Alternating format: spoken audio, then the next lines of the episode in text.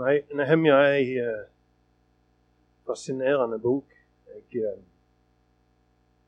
jeg sa det sist gang at jeg hørte to bibeltimer om Nehemjas bok i 1994, tror jeg det var.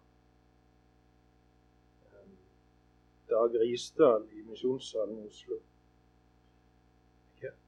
Jeg, har aldri hørt noe andakt eller bibeltimer om Nehemja før eller senere. Men det er en utrolig fascinerende bok. Jeg skrev noe eh, Kanskje det har fått noen ark nå, ja. Jeg prøver å si noe om bakgrunnen for Nehemja-boka. Eller Den eh, kan det være greit å ha, ha i mente når vi skal inn i hva boka handler om.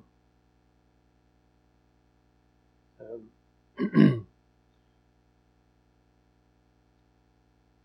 Når vi skal se på det Nehemja-boka handler om, så er det viktig å huske at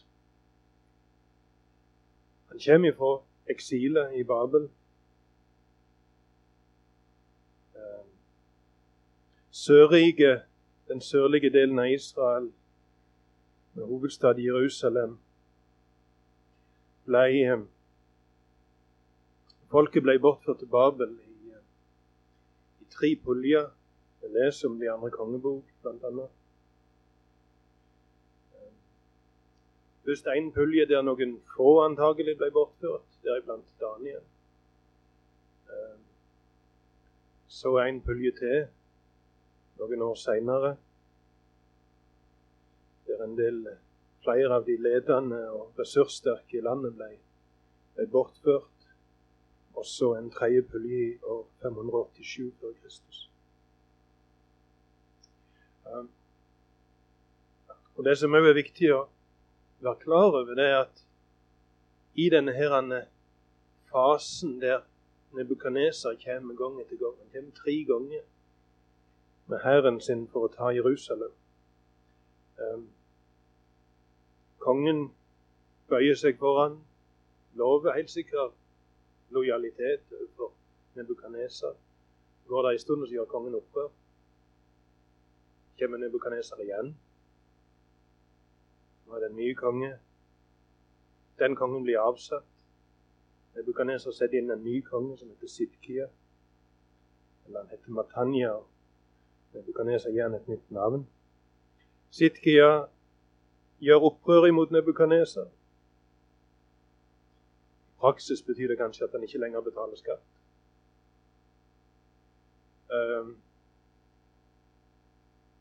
og så kommer Nebukaneser en gang til, og denne gangen eh, beleirer han byen, river murene og kan tenke meg at han er ganske eh, fed up, sier de på engelsk. Hva sier vi på norsk? Han er, han er lei av det opprørske folket i Jerusalem. Så han river murene, og nå er det liksom, nå er det stopp bortfører nesten hele folket. Det er en liten, liten rest igjen. Eh, vi leser om det helt til slutten av Jeremia-boka.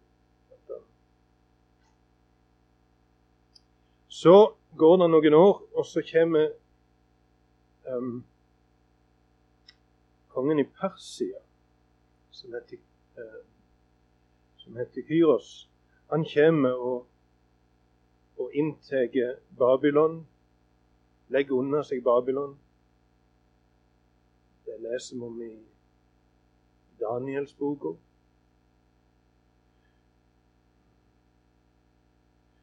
Noe av det første han gjør, det er at han eh, gir påbud om at folket i ja, Jødene bl.a. skal få vende hjem igjen til sitt eget folk, til sitt eget land, og få bygge opp, opp igjen tempelet. Det er antagelig ikke bare jøder. Det er antagelig andre folk òg at Kyros har en ny politikk. Han vil oppmuntre folk til å bo i sine heimland, dyrke sine guder. Mens tidligere politikk var å bortføre folk og utslette gudsdyrkelsen rundt forbi. I alle fall i Jerusalem. Så Kyros oppmuntrer folk til å reise hjem. og Det er ca. 42 000 som reiser tilbake til Jerusalem under Serubabel og, og Josva. Det leser vi om bl.a. i Esras bok. Um, og Det de skal gjøre, det er at de får fullmakt til å bygge opp igjen tempelet. Um, og det gjør de etter hvert. Dette påbudet fra kong Kyros kommer i ca. 539 før Kristus.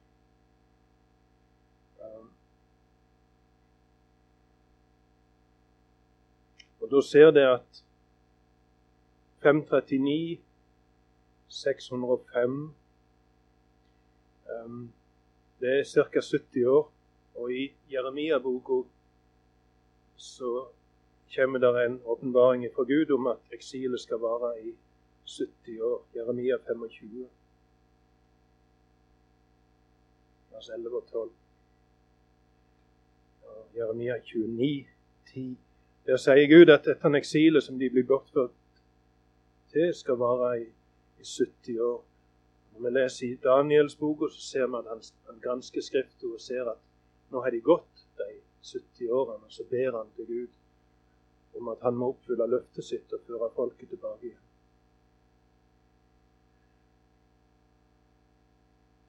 Så den første pølja kommer i ca. 539. Vi bygger opp igjen tempelet. Og Så går det noen år før vi kommer til Esras bok. Nå er det en konge som heter Artaxerxes, som er kommet til makta. Han oppmuntrer Esra til å vende tilbake til Jerusalem og sende med han eh, gull og sølv til å styrke gudsdyrkelsen i Jerusalem. Det skjer ca. år 458 eller 457 før Kristus. I lag med han er det ca. 1500 mann pluss kvinner og barn som ble med. Så går det 13 år, og så kommer vi til Nehemia. Det er det 20. styringsåret til kong Artaxerxes. Det kommer folk fra Jerusalem til hoffet. Nehemja er, er munnskjenk hos kongen, og han spør hvordan det ligger an med Jerusalem. De forteller at murene er nedrevet.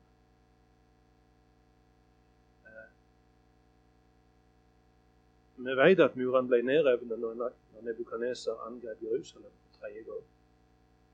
140 år tidligere. Eh, det som nok Nehemja er overgitt over, det er at etter at nå folket har vendt tilbake og vært i Jerusalem i 90 år, er ennå ikke murene bygd igjen. Det er ganske spesielt. Uh, I alle fall med tanke på hvor viktig det var med murer rundt en by. Så Hvis en by ikke har, har en bymur, så kan hvem som helst komme inn.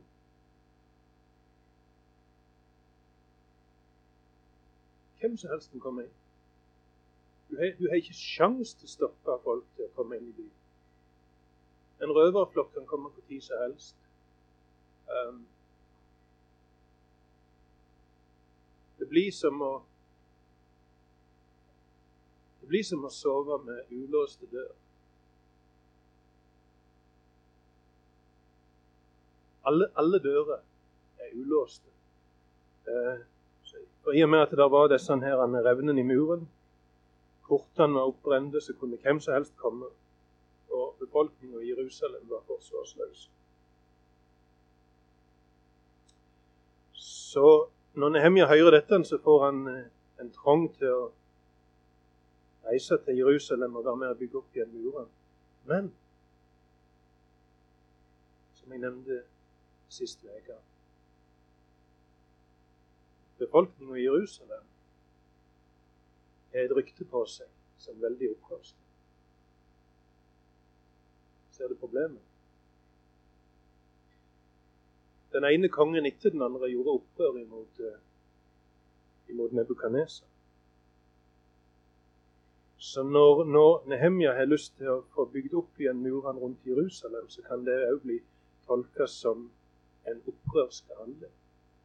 For eh, når da de murene var oppbygd igjen, så vil det kreve enorm innsats å innta Jerusalem på. Så vi skjønner at en konge som vil gi tillatelse til dette, må stole 100 for han som vil bygge opp igjen muren. Og Derfor er det så viktig at den som spør om dette, er munnskjenk. Kongen sin munnskjenk var en som han stolte 100 Du kunne ikke ha en munnskjenk som du ikke stolte 100 Så uh, i og med at kong Artaxerxes at ikke at folk hadde sånne navn. I og med at han stolte blindt på Nehemia, så var han villig til å etterkomme det ønsket. Jeg, jeg er ikke sikker på om det ønsket hadde blitt oppfylt hvis det var en annen person som spurte om det. Men Nehemia hadde kongens tillit og få lov til å reise til Jerusalem for å bygge opp den muren. Mm. Nehemia begrunner dette med at byen der fedrene mine sine graver er, ligger åpen for hvem som helst. Um, det, det var nok en, en, en, argumentasjon som kongen hadde forståelse for. For kongene bygger sine store gravmæler. Um, Så med denne argumentasjonen så traff nok Nehemja et, et ømt punkt hos kongen. Han hadde forståelse for at du ville verne byen der fedrene sine graver er. Um, dette var ikke noe bare Nehemja fant på. For når han kom til Jerusalem, så nevner han dette igjen for folk i Jerusalem. Så det er noe som ligger på han. Folk skal ikke komme og skjende graven til våre forfedre.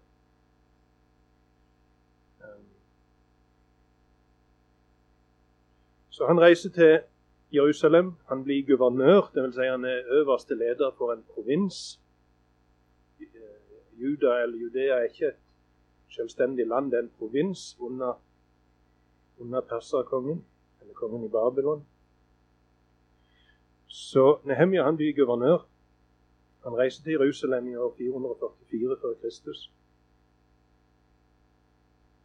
Og så er han guvernør i tolv år før han vender tilbake igjen til Babel. Og er i Babel eller i Babylon i ei viss tid, vi vet ikke hvor lenge. Og så kommer han tilbake til en ny guvernørperiode. Vi vet ikke når den andre perioden er. Eh, det eneste vi vet, er at når vi kommer til år 407, så er det en ny guvernør som heter Vigwai.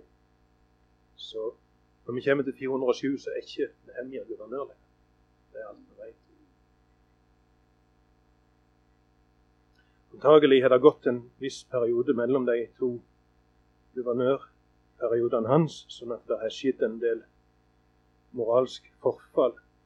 Så i Nehemia-boka så er de første de første tolv kapitlene er fra den første styringsperioden. Det trettende kapittelet er fra den, den andre styringsperioden. Kapittel 1 ser det. Der får Nehemja høre om at muren er nedreven. Kapittel 2, da går han til kongen og spør om lov til å vende, til, vende tilbake til Jerusalem. Ikke, ikke vende tilbake. Nehemja stammer fra Jerusalem, men han er nok født i, i Babylon. Han spør om å få reise til, til Jerusalem og bygge opp igjen muren. Får lov til det. Reise, inspisere muren, møte lederne, oppmuntre de til å være med å bygge, og sette i gang en folkebevegelse. Kapittel tre, der ser vi at muren blir bygd. og På kartet på neste side så ser det oversikt over muren og alle portene. som blir ramsa opp i kapittel 3. Kolossalt med detaljer. Um, I kapittel 4 møter vi motstand fra spesielt to som heter Sanballat og, og Tobia. Sanballat han er guvernør i en provins som heter Samaria. Han er sterkt imot at Jerusalem nå skal bli befesta, dvs. Si på, en, få en bymur. For uh, Sanballat vet at den dagen Jerusalem er en bymur, så er det en, en størrelse å regne med. Sanballat kan kan ikke gjøre som han vil med Jerusalem lenger hvis de har en bymur. For det krever en, en, en stor hær og mye ressurser, mye tid, å vinne over en by med bymur. Så han er sterkt imot dette. Um, akkurat hva som er grunnen, det, det vet jeg ikke. Det kan være at han ønsket å kunne styre med Juda sånn som han ville. Det kan hende han hadde økonomiske interesser. Eller det kan rett og slett bånde i et eh, gammelt, gammelt fiendskap. Så han er moabitt. Eh, Tobia, som òg er nevnt her, han er ammonitt. Sier de stammer fra Moab og fra Ammon, som er de to sønnene som Lot fikk i sånn incestforhold med døtrene sine. Det er et slektsforhold mellom dem og Israel, men det har vært fiendskap helt fra Et eldgammelt fiendskap mellom moabitt og ammonitt på den ene sida og Israel på den andre sida. Og, og det eksploderer for alvor når det blir snakk om å bygge opp igjen en mur.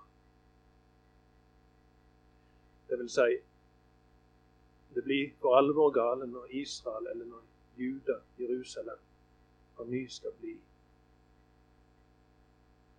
en eh,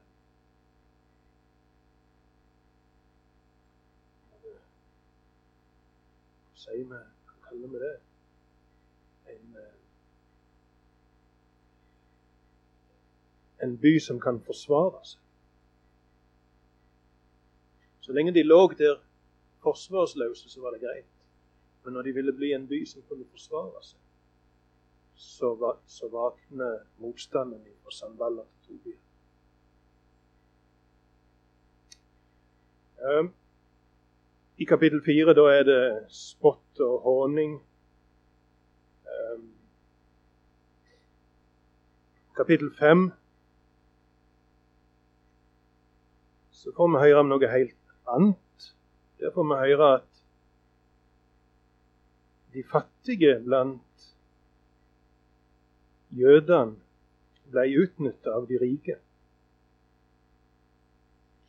Og dette var ei vanskelig tid, og i ei vanskelig tid så vil de fattige bli fattigere, og de rike bli rikere. Det var det som skjedde her. De rike utnytta de fattige.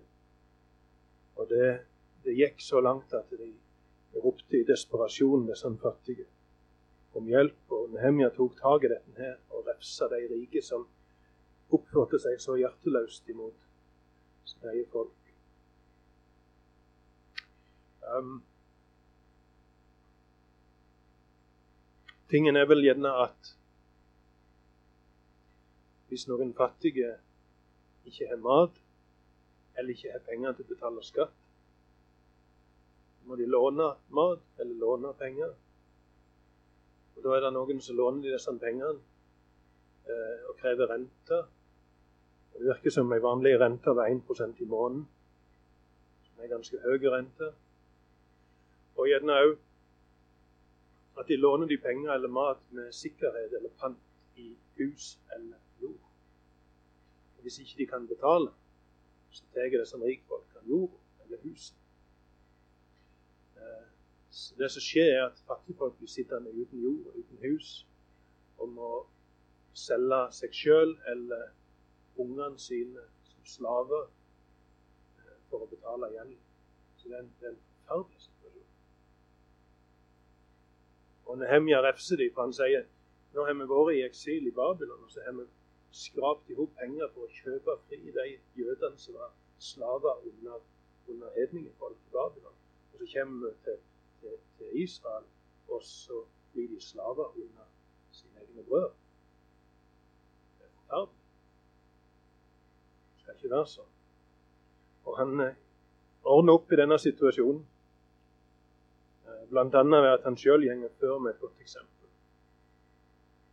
Han sletter den gjelda som han sjøl, eller som, som folk heter han.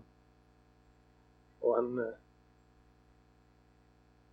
avstår ifra å ta pant i folk sine, sine eiendom. Han eh, forbyr å oppfordre rikfolk til å ikke kreve rente når de låner ut penger. Og Dermed så ordner han opp i denne vanskelige situasjonen. Um, kapittel 6. Ny motstand fra Sandballa til Tobia. Men uh, det lukkes ikke, og muren blir fullført. Nå er det ikke hån og spott lenger fra Sandballa. Nå er det, nå er det ganske utspekulert uh, lurendreieri. Han eh, allierer seg med Han allierer seg bl.a. med en jødisk profet betaler han for å prøve å lure Nehemja til å gjøre ting som ville sverte navnet hans. Inviterer han til en konferanse stykke vei vekk fra Jerusalem. Og Nehemja biter ikke på noen ting av dette. Og til slutt er muren ferdig. Etter hvor lang tid det tok å bygge opp den muren? Det tok 52 dager. Han hadde ligget i ruiner i 140 år. Folket hadde bodd i Jerusalem i 90 år. Og det tar 52 dager å bygge det. Det er litt talende. Det er litt talende hvordan et, hvordan et arbeid kan virke så overmenneskelig. Men når folk går i gang med godt mot og med god ledelse, så tar det 52 dager å bygge det. Det vil si, de var nok ikke helt ferdige. Det var nok gjerne ytterligere arbeid som gjensto. Men, men, etter 52 dager så er muren så høy og så kraftig at folk er trygge. Ganske imponerende.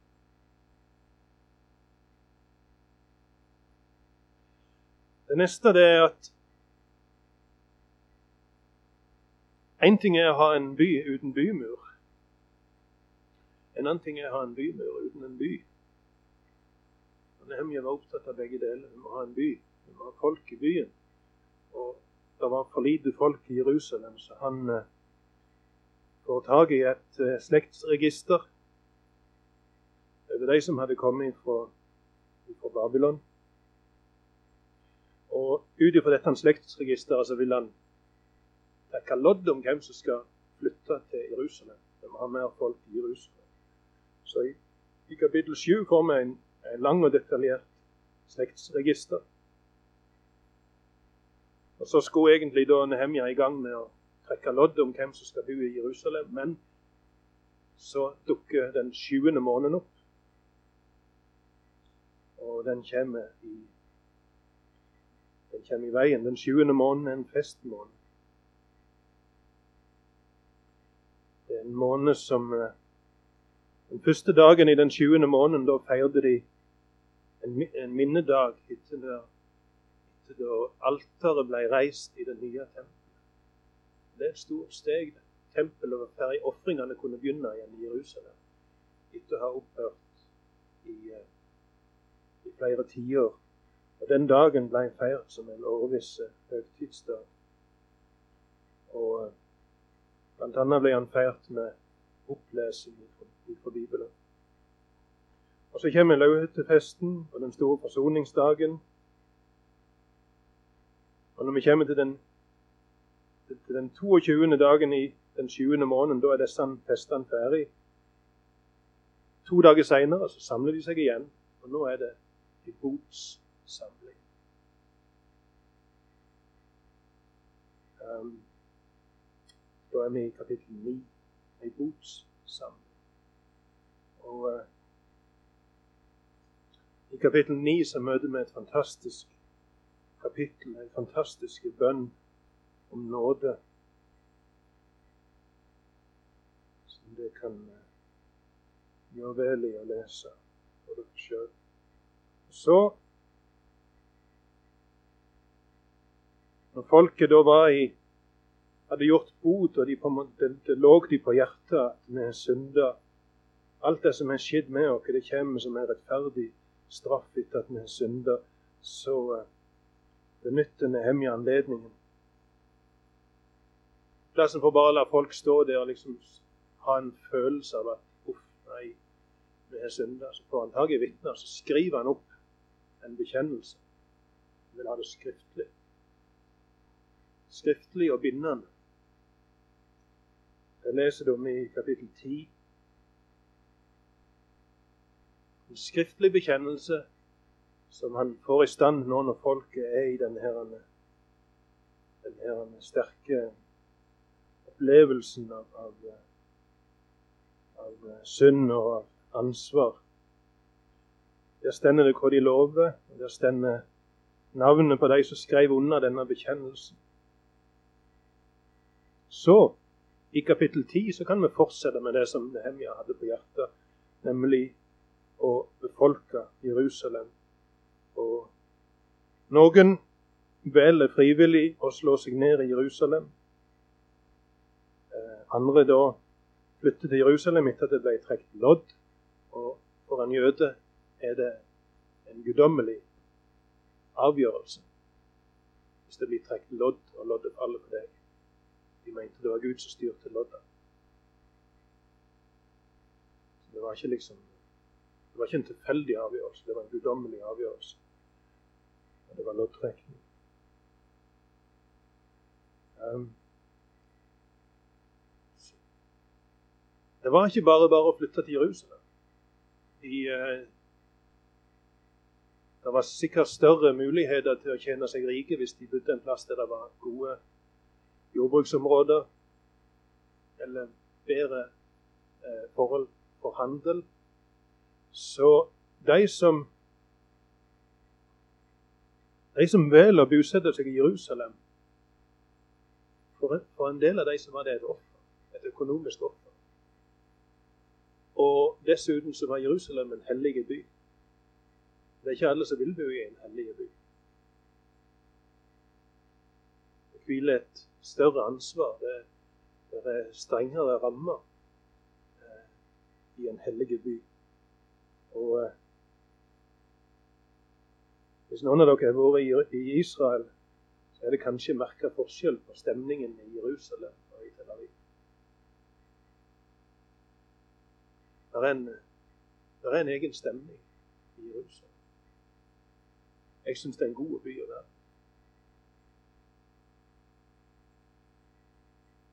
Kunne ikke tenkt meg å være ei uke i Tel.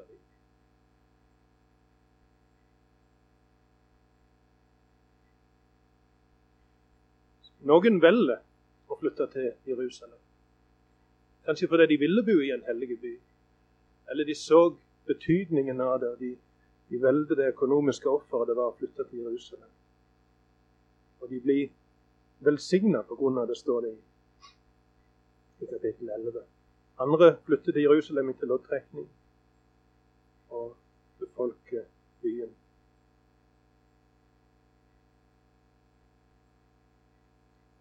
Og Så er det oversikt over prester og levitter i kapittel 12. Og så i siste del, siste halvdel av kapittel 12 så får vi en innvielse av muren. Ledere og prester går opp på muren, deler seg i to, og så går de. Den ene går imot klokka, den andre delen går med klokka. Så møtes de på den andre siden av muren. Så går de i lag til tempelet, og så innvier de både muren og byen. Um, og så kommer vi til kapittel 13, og da er vi i Nehemja sin, sin andre guvernørperiode. Og vi skjønner at det er gynge en, en viss tid, og det er en del ting som har fått breie om seg. Blant annet så har ypperstepresten Eliasib innreda et rom i tempelet til Tobi. Nehemia, sin, en av Nehemia sine to eh, viktigste motstandere har nå et stort rom i tempelet der han bor når han er i Jerusalem. Og Det har nok sammenheng med at Eliasib antagelig er det ypperste presten. Det, det, står ikke svart på hvitt, men, men eh, ypperste presten når Nehemja kom til, til Jerusalem, het i alle fall Eliasib. Jeg leser i kapittel 13 vers 4 at Eliasib har innreda dette rommet i tempelet til Tobia. Og antagelig er det et, et slektskapsforhold der at noen i ypperste prestens slekt har gifta seg med noen fra Tobias slekt. Eh, det er den ene tingen. En annen ting som har skjedd, er at eh, folk har slutta å betale skatter og avgifter til, til tempelet og til levittene. Så hele, hele tempeltjenesten er gått fullstendig i stå. Levittene flytta ut på bygda. Driver jordbruk for å brødfø seg og sine. Hele tempeltjenesten er gått i stå. Um, folk kjøper og selger på sabbaten. Og vi har fått ei oppblomstring av blanda ekteskap. Eh, jøder som har gifta seg med folk fra Ammon og fra Moab og fra Ashdod, som er en filisterby. Med unger som gjerne ikke kan hebraisk eller arameisk, og som snakker mora sitt språk, som igjen sier noe om at mora har kolossale påvirkning på unger. Så når jødiske menn har gifta seg med, med damer fra Ashdod eller fra Ammon og Moab, så, så sier det mye om at nå har hedenskapet fri passasje inn blant disse ungene. Og en av sønnene til ypperste presten hadde gifta seg med en, med ei datter av Sandballa. Husker du Sandballa? Guvernøren i Samaria, som var en så sterk motstander av Nehemja, nå er han blitt i slekt med ypperste presten. Og Nehemja kommer tilbake og tar et knallhardt oppgjør med alt det. Det er ganske heftig lesning. Han legger ikke noe imellom. Her er det snakk om å både slå folk og rive dem i håret og, og litt av hvert. Og denne her, er Presten som har gifta seg med dattera til Sanballat, han blir utvist.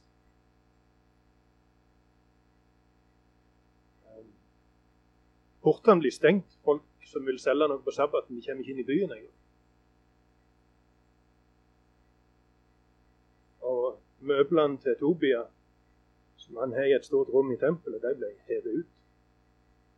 Så han bare smukk går i gang og rydder opp når han kommer tilbake til den andre guvernørperioden.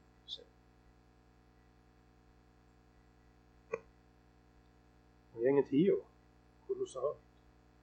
Eh, det er en oversikt over boka, innholdet. Boka kan leses på forskjellige måter, som, som ren historie. Jeg tror vi er enige om at boka er mer enn bare en ren historie om det som, om det som skjedde. Eh, når jeg satt i bilen på vei inn her i dag, så kom jeg på at det er en ganske sterk parallell mellom det som vi leser om i Nehemjas bok, og det vi leser i uh, Sion-krøniken av uh, og, Bob Kane, hvis noen av dere har lest den. Fem bøker. Når, når en på en måte rekapitulerer hva som skjer i denne serien, så er det ganske mange likhetstrekk mellom, mellom, det som skjer når Nehemja kommer for å bygge opp igjen murene rundt Jerusalem, og det som skjer når, når, når jødene får kontrollen i sitt eget land i 1940. Det er noen ganske talende paralleller. Uh, blant annet at den ledende rabbineren i Jerusalem var en kompaniskap araber, Det er veldig spesielt. Men det var i hvert fall ifølge den Sion-krøniken. Regner med at mye av de faktaene som kommer fram der, stemmer. Vi kan lese boka som et eh, godt eh, eksempel på, på godt lederskap. Nehemia var en fantastisk leder. Helt fantastisk.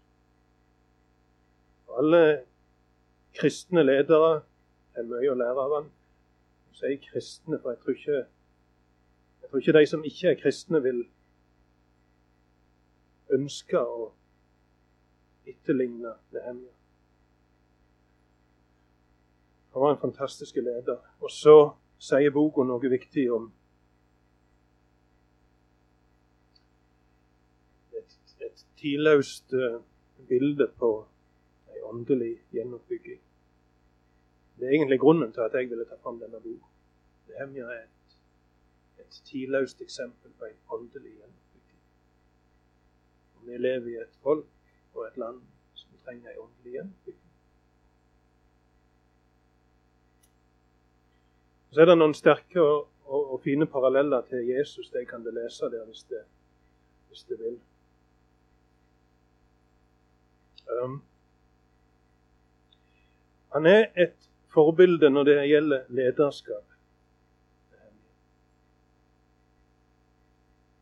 Han er munnskjenk. Det er ikke en, en lav tjeneroppgave. Det er kanskje den høyeste stillingen du kunne få. Han er rik, han er vel ansett. Han har en kolossal innflytelse over kongen. en veldig privilegert stilling, men han bryr seg om folk. Han bryr seg om. Og Når det kommer folk fra Jerusalem, så spør han hvordan det blir. Hvordan er det med folk i Jerusalem? Han spør ikke fordi han er forveden, men han spør fordi han bryr seg. Det ser vi. Og Når han får høre at murene er nedrevet, så, så står det at han sørgde. Han ba og han fasta, og han sørgde. Han ba inderlig til Gud om at, uh, Gud måtte se i nåde til, til Jerusalem. Og, og, og, ikke bare det, men han, uh, han er sjøl villig til å reise til Jerusalem og gjøre noe med saken. Det vil si han, han forlater en privilegert stilling i hovedstaden og slottet å bli guvernør i en mer eller mindre en nybygga koloni i Jerusalem. Med alle de farene og problemene det medfører. Han bryr seg. Virkelig.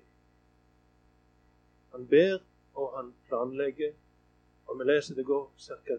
fire måneder, og så møter han kongen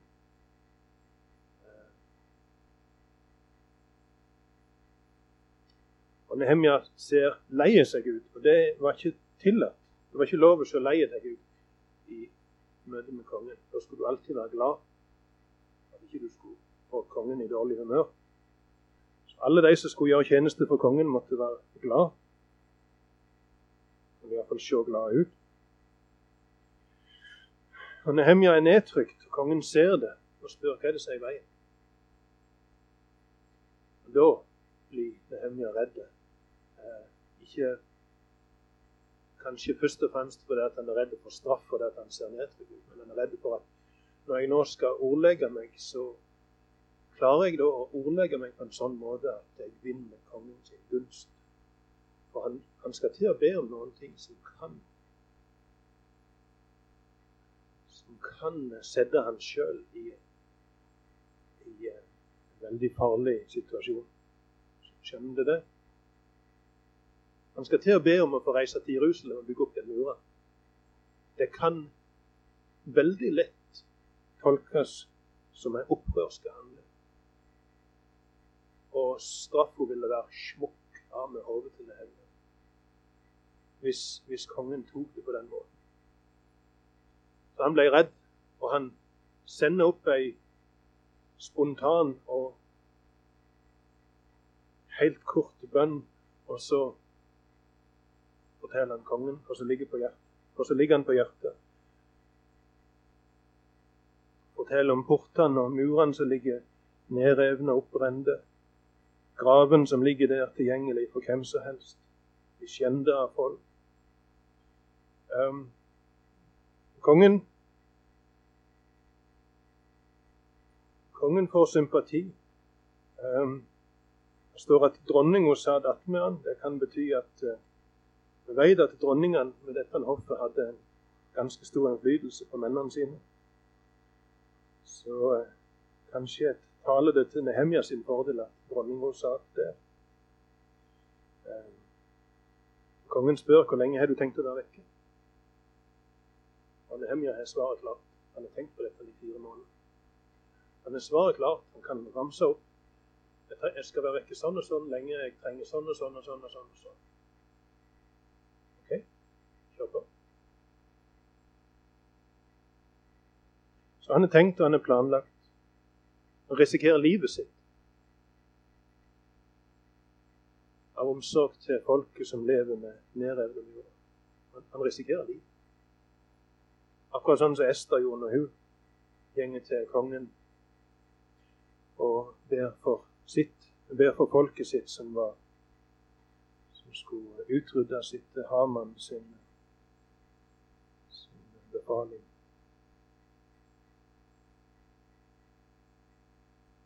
Han, eh,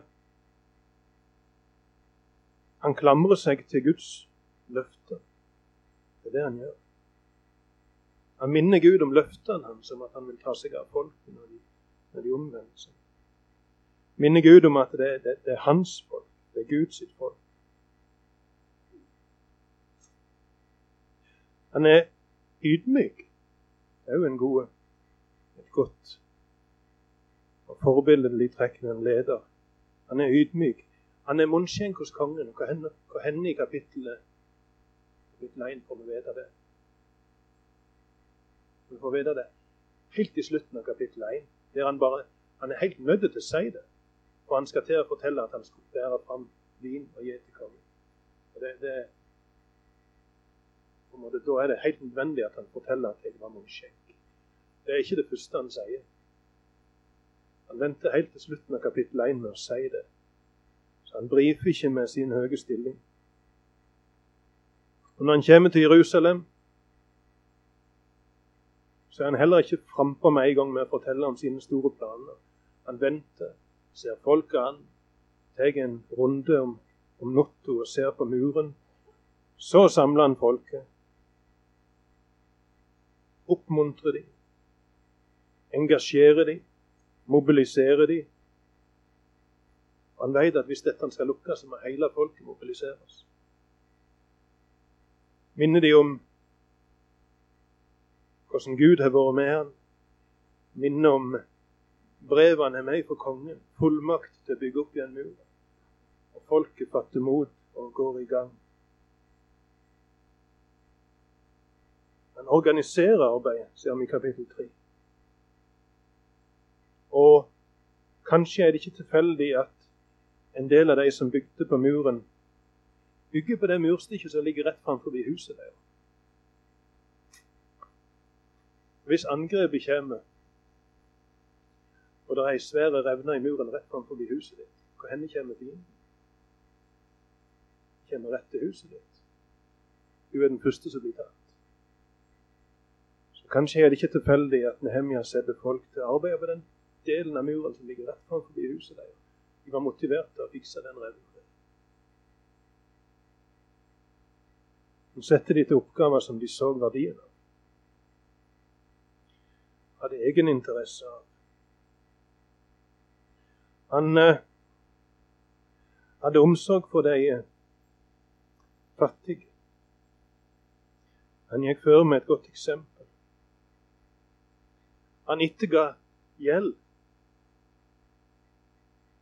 Og som guvernør så hadde han rett til å få ganske mye penger hver dag til å flotte seg, ete godt, nyte livet. Men han avsto ifra lønn.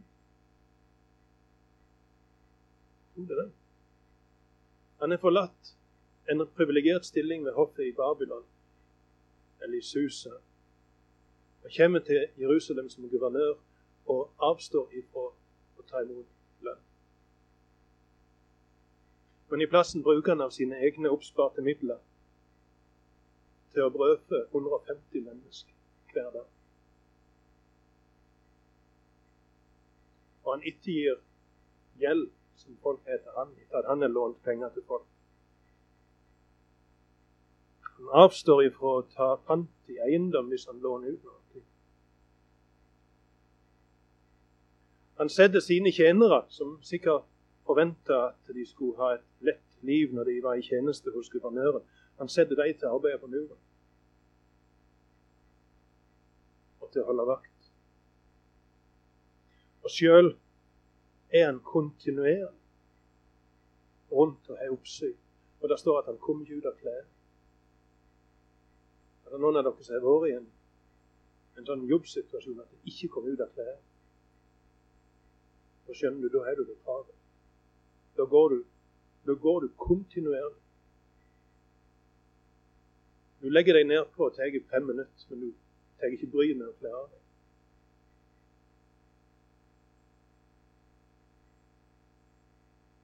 Det, det er guvernør. Han kom ikke ut av klær. Det sier noen ting om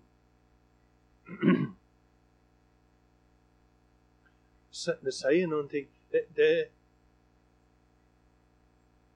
det, er så mye enklere å være idealistisk hvis vi kan være det i lag. Men hvis du skal være idealist alene, og ingen andre er det, så er det blytungt.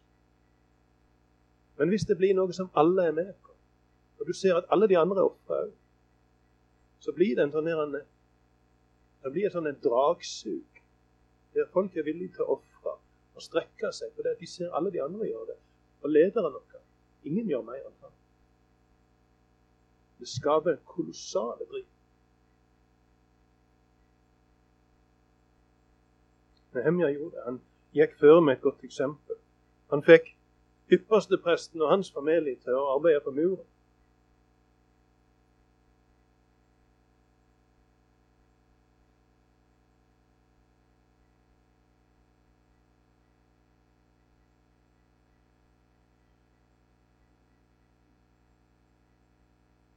Han eh,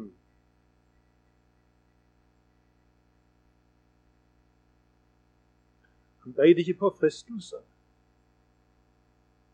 For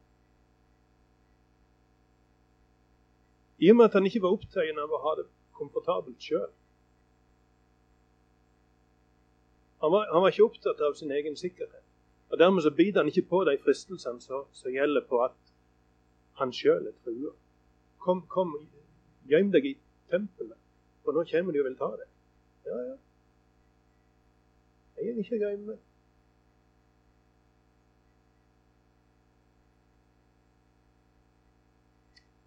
Så kjente han sitt mandat. Og når fristelsene kommer eh, Det går rykte om at du har tenkt å gjøre deg sjøl til konge. Glem det. Jeg har et brev fra kongen. Han vet det er han som har sett meg til her og bygge denne muren. Gidder ikke høre på det.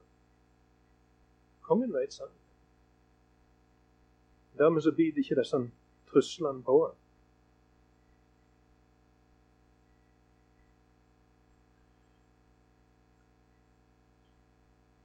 Så kommer han som guvernør. Han er der i tolv år.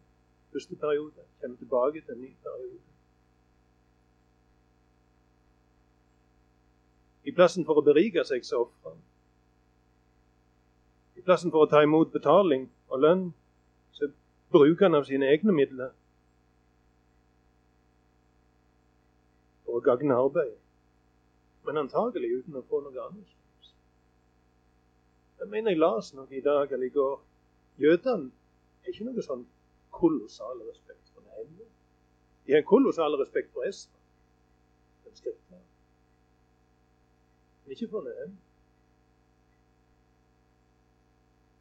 Det er litt påfallende. Når eh, Esra får høre om blanda ekteskap, jøder som har gifta seg med edenske damer, så står det at Esra river seg i håret og setter seg ned helt langsomt. Når Nehemia får høre det, så river han deg i håret og får slutt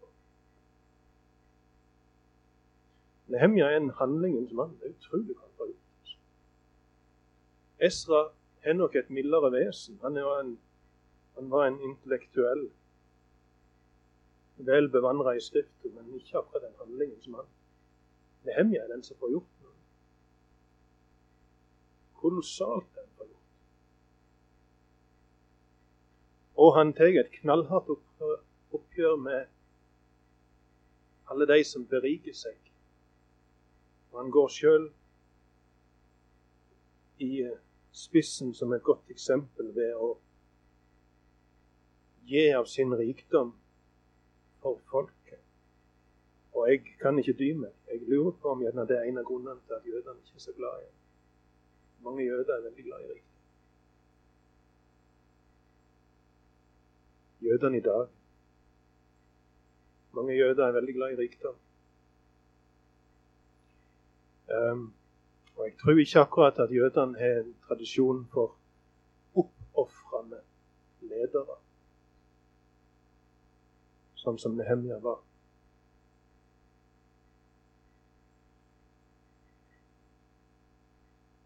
Han ærede ærde sine arbeidere. Kapittel 3 er en lang liste over alle de som arbeider på muren. Deriblant en som arbeider med spesiell iver. Av alle disse hundrevis av ivrige arbeidere så ser han en som utmerker seg spesielt med en helt spesiell iver. Nehemja ser nevner han spesielt. Han ærer sine arbeidere. Alle menn 20 år eller eldre skulle betale en halv sjekel i skatt i året etter Moseloven. Nehemja reduserer den til en tredjedel. Av omsorg for de fattige, mest sannsynlig. Og én ting til. Uh, når den dagen kommer at loven skal, skal leses, hva gjør Nehemja da?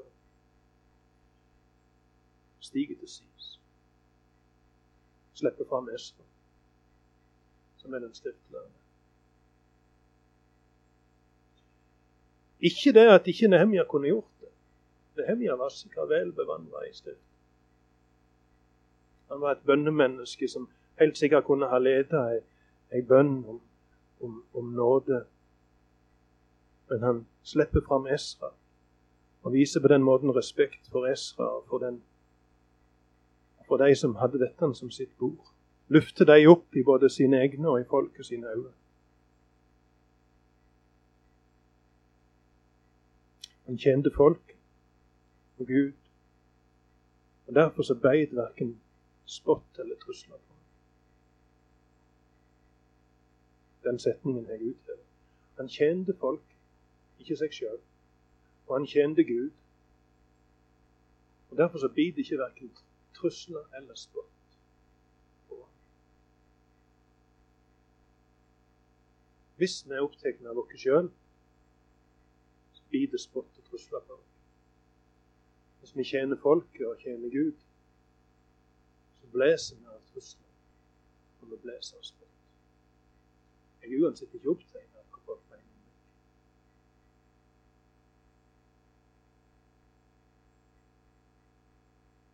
Det var ikke noe jeg sa om meg sjøl, altså. Jeg kunne sagt det om seg sjøl. Han var ikke opptatt av hva folk mente. Han tjente folk.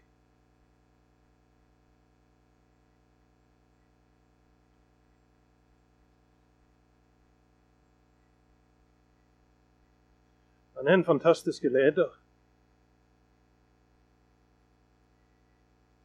Han så at menigmannen fra en by som heter Tekoa, arbeidet. Men de rike i Tekoa de ville ikke løfte en finger. Det er vi så. Vi finner det i kapittel 3. De vanlige folkene i Tekoa de, de hadde ansvar for to bedre enn muren. Men rikfolka løfta ikke en finger. Og så står det, en, så står det der i kapittel 3 til spott og spe for disse rikfolkene som løfter ikke en finger. Og de vanlige fattige jobber dobbelt. Det er så det. Og det står der for all ettertid til skam for de rike som ikke ville gjøre noen ting for fellesskap. Han er et eksempel på en kristen leder, og nå skjønner du sikkert hvorfor jeg sier kristen leder. Den som ikke er kristen, vil ikke leve etter det idealet. Det blir et altfor høyt ideal. Det kristne lederidealet ser, ser lederen som en tjener. Du så det i Indonesia. I en kultur som ikke er preget av kristen tenkning, der er lederen en som har muligheter og privilegier. Og eh, anledning til å berike seg sjøl. I en kristen kultur er lederen en som har spesielt ansvar. Som må bære ei tyngre bør, og som må gå ei ekstra mil. Og som må lie mer enn de han skal være leder for. Han er en tjener for folk. Og Det fremste eksempelet på det er Jesus sjøl.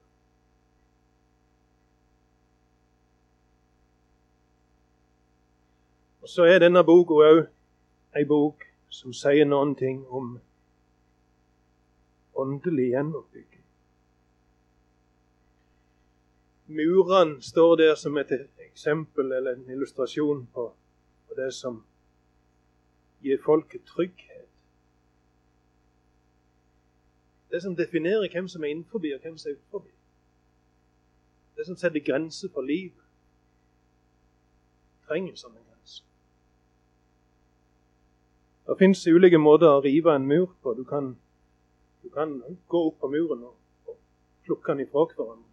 Eller du kan bruke kastemaskiner og bombardere muren til dess at den smuldrer opp. Men eh, en av de mest vanlige og mest eh, effektive måtene å rive en mur på, vet du hva det var? Det er de språkene kaller det undergraving. Jeg, vet, jeg, tror ikke de kunne gjøre det i, rundt Jerusalem, der det var fjellgrunn. Men rundt om i Europa, der, der, der slott og byer er bygd på, på, på løsere grunn Når fienden kom og skulle ta muren, så graver de seg ned. Så lager de ganger djupt, djupt, djupt ned i bakken under muren med tre stillaser som heller tak i denne gangen oppe. Så setter de fyr på tre stillaser. Trekker seg ut, og så brenner det sandstøtten. Så raser tunnelen i hop, og så detter står oppå Som står oppå det som denne tunnelen går. Undergraving eller underminering. Derifra kommer det ordet. Det er en prosess som går ut på å rive fundamentet vekk under, under muren. Og Det er en prosess som har foregått i landet vårt i lang tid. Først og fremst gjennom å undergrave tilliten til Bibelen. Og når den når tilliten til Bibelen ryker, så dette lurer. Budene blir verdiløse og tilliten til Bibelen og respekten for Bibelen faller. Når fienden kom for å angripe en by, så var det viktig å få slå ei revne i muren. En, og, og, og det, en sånn ei revne i muren blir kalt for en bresje. Og Når fienden kom og hadde slått ei revne eller en bresje i muren, så var det forferdelig risikabelt og forferdelig viktig at det var noen som var villig til å stille seg der midt i det gapet og slåss mot fienden som kom. For der, der ble det harde kamp.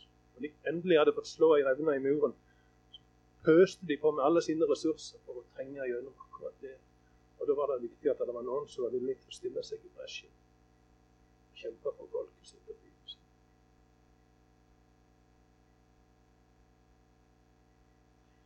Bibelen kaller det òg å stille seg i gapet. Vi leser om det i Salme 106, der det sies at, at Moses han stilte seg i gapet. Og Det sikter til det Moses gjør i 2. Mosebok kapittel 30. Mm.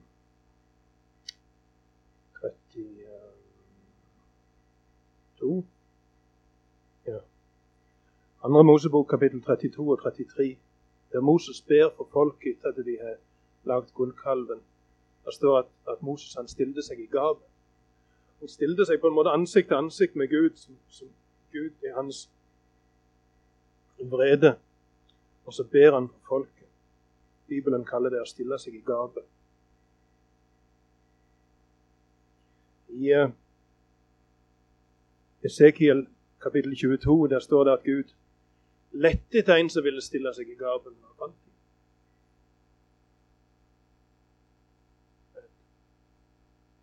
Forferdelig alvorlig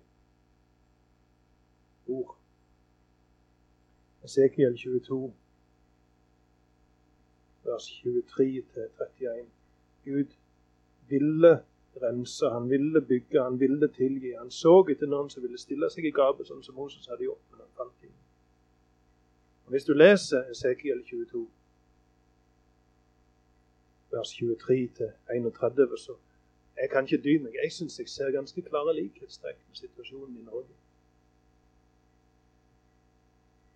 Ganske klare likhetstrekk med situasjonen i Norge sånn som det er i dag. Om prester som er truløse, profeter som spår løgn. Så er Gud, Gud har sagt, men Gud har ikke sagt det de forteller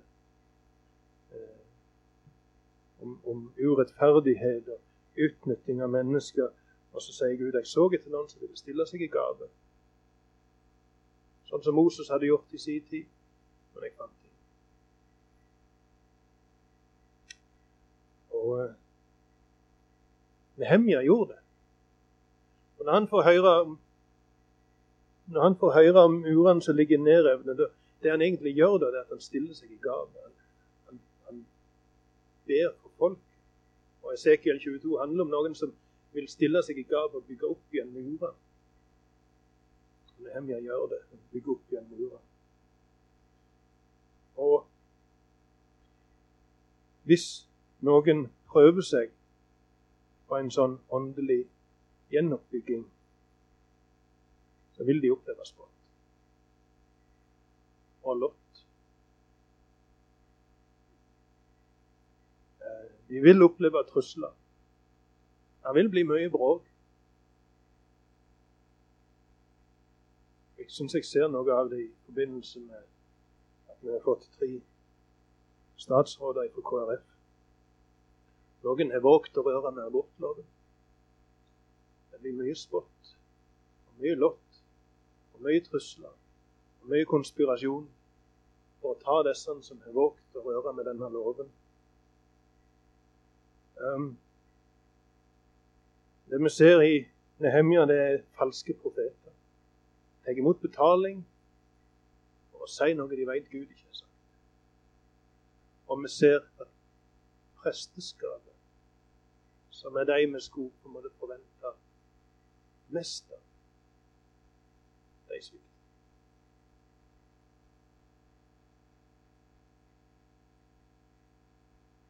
Ypperstepresten Eliasib er strålende fornøyd med å ha blitt i slekt med Tobi. Og at han har et barnebarn som eh, som har gifta seg med ei datter til Sandballa. Dette er jo storfolk. sant? Guvernører og greier. Tenk å bli, tenk å bli i slekt med dem.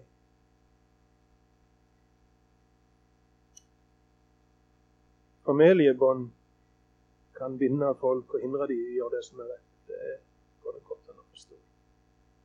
Det er, vanskelig å på en måte stå rakrygga og hevde noe med full kraft hvis du er et familiebånd. Skjønner du hva jeg mener?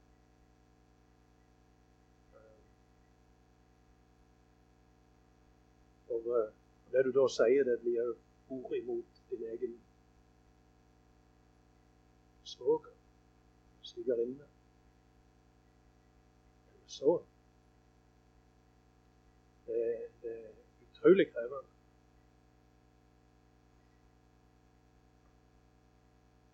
Og Det vi ser hos Nehemja, det er at rikfolka, som du skulle ha grunn til å forvente mer av.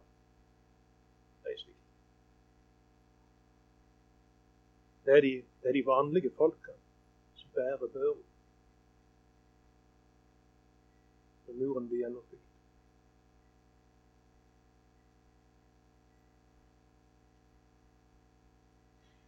Um,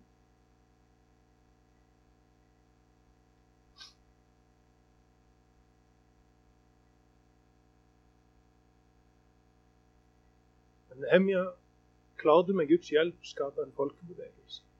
En mektig folkebevegelse som gjenreiste de murene Det var fryktelig kort tid.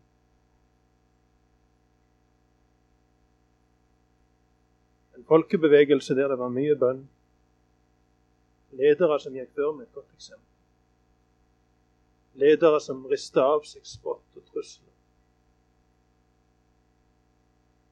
Som ikke setter sin egen sikkerhet i førersetet, men, men tjente folk og tjente Gud. Hadde tillit til Gud og hans løfter.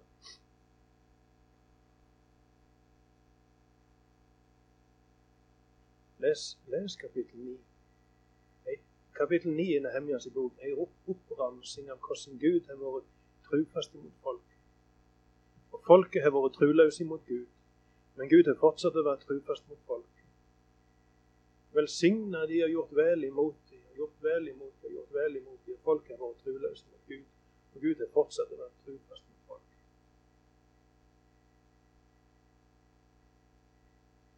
Og på en måte konklusjonen Det er ikke noen konklusjon, men, men konklusjonen blir på en måte Den konklusjonen som ikke står noen plass, blir at uh, du har alltid vist deg trufast.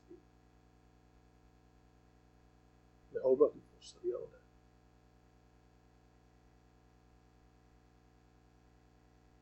Det er på en måte det er det som bærer Nehemjas i bok. En, en, tillit til at Gud fortsatt vil være trufast mot sitt folk. Eh, og det er den samme Gud til høyre. La oss ha en sterk tillit til at han vil være trufast mot dere. La oss be om ledelse, sånn at vi kan være med og bygge opp igjen murer i Norge.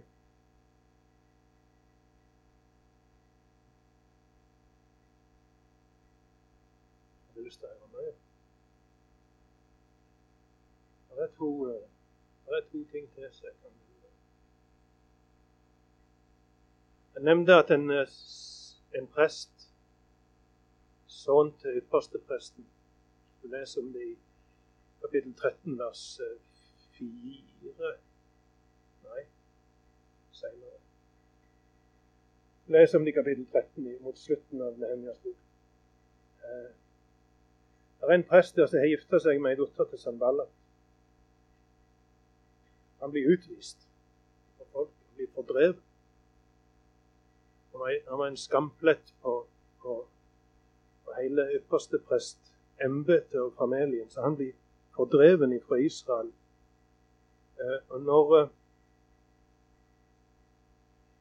når vi leser den jødiske historikeren Josefus, så forteller han at det var en, en, eh, en fra ypperstepresten sin familie som hadde gifta seg med ei datter til Sanballat. som fikk ultimatum. Enten så forlater du Israel, eller så forlater du kona di. Og han gjenger til sin svigerfar Sanballat, som er guvernør i Samaria. Og Sanballat sier til han da, ifølge Josefus eh, Du kan komme her, så kan du få være både prest og gift med datteren så bygger de et tempel på Garisimfjell. Og denne mannen blir da prest i en kult som vi kjenner som samaritanerne. Som den dag i dag tilber på Garesen. Eh, det stammer derifra. En annen ting som er interessant Det står i når, eh, når Daniel studerer Bibelen og finner ut at nå har det jo gått de 70 åra som Jeremia snakket om. At folket skulle være i, i Babylon. Daniel kapittel 9. I det første året Dareios, sønnen til Hasveros, var konge, han var av medisk ett og hadde blitt konge over Kalderik. I det første styringsåret hans oppdaga jeg, Daniel, i bøkene hvor lenge Jerusalem skulle ligge i røys etter Herrens ord til profeten Jeremia. Det var 70 år. Jeg vendte meg til Herren Gud for å søke Han med bønn og rop om nåde og fasta i sekk og oske. Så ber han, og så gjenger der ei tid, og så kommer engelen Gabriel til ham.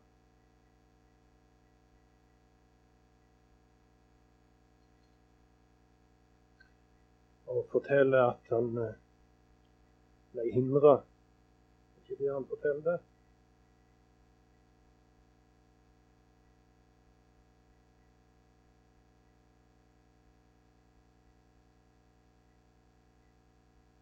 Ja. Daniel, eh, Gabriel sier i kapittel 9 vers 22 Han ville lære meg og sa, 'Daniel, nå er jeg kommet for å gi deg innsikt.' Da du tok til å be, gikk det ut et ord, og jeg er kommet og vil kunngjøre deg det fordi du er høyt elska. Så merk deg ordet, så du forstår synet. 70 veker er fastsatt for ditt folk og din hellige by, til å føre vondskapen til ende, til å gjøre slutt på synder, til å sone skulder og føre fram ei evig rettferd, til å stadfeste det profetene så og salve det høgheilige. Du skal vite og skjønne for ordet gikk ut om at Jerusalem skulle gjenreises og bygges opp, bygges opp Og til det kommer en som er salva, en første, skal det gå sju veker. Og i 62 veker skal byen stå der gjenreist og opp, oppatt bygd med gater og vollgraver. Men det skal være ei tid full av trengsel. Etter disse 62 vekene skal den salva ryddes av veien og bli borte. Um, så Gabriel sier altså til Daniel at det skal gå 69 uker. Og fra andre plass i Bibelen så vet vi at det ordet 'vega', som er en periode på sju, betyr egentlig. Leser om det i forbindelse med Jakob, som tjente i en periode på sju. Skjønner det sju år. Så det skal gå 69 uker, 69 perioder på sju år. De fleste er enige om at det er det det betyr ifra budet går ut om at Jerusalem skal gjennombygges. Det er vi akkurat hørt om. Kong Artaxerxes som gir påbud om at Jerusalem skal gjennombygges i år 444 før Kristus. Derifra skal det gå 69 ganger 7 år før en salve står fram.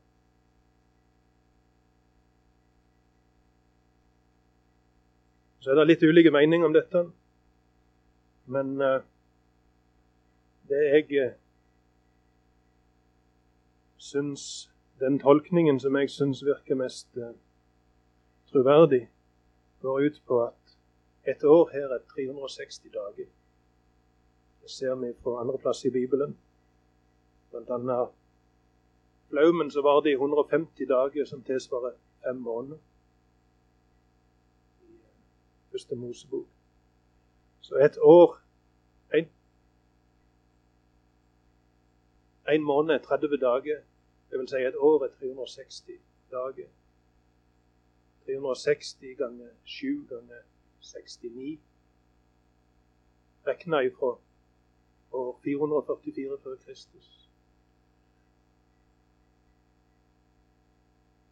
Hvis du regner pinlig nøyaktig på det, kommer du til helt til starten av april år 33 etter Kristus. Det er årene Jesus døde. Antagelig den dagen. Den dagen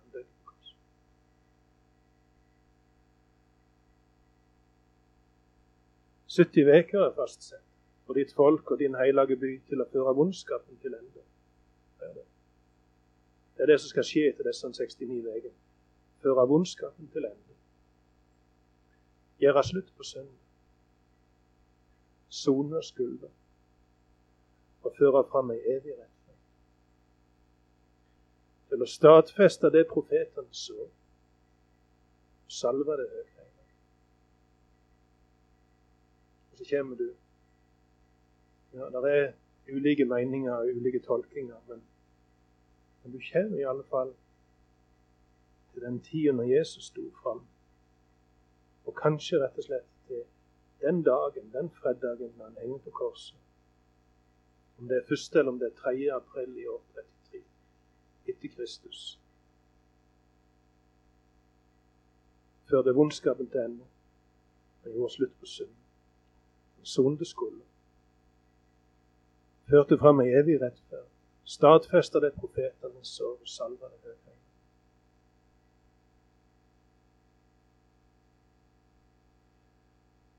Rekna ifra den dagen i kapittel 2 i Nehemia-boken han står framfor kongen og ber om lov til å reise til Jerusalem og bygge opp igjen Kongen sier greit.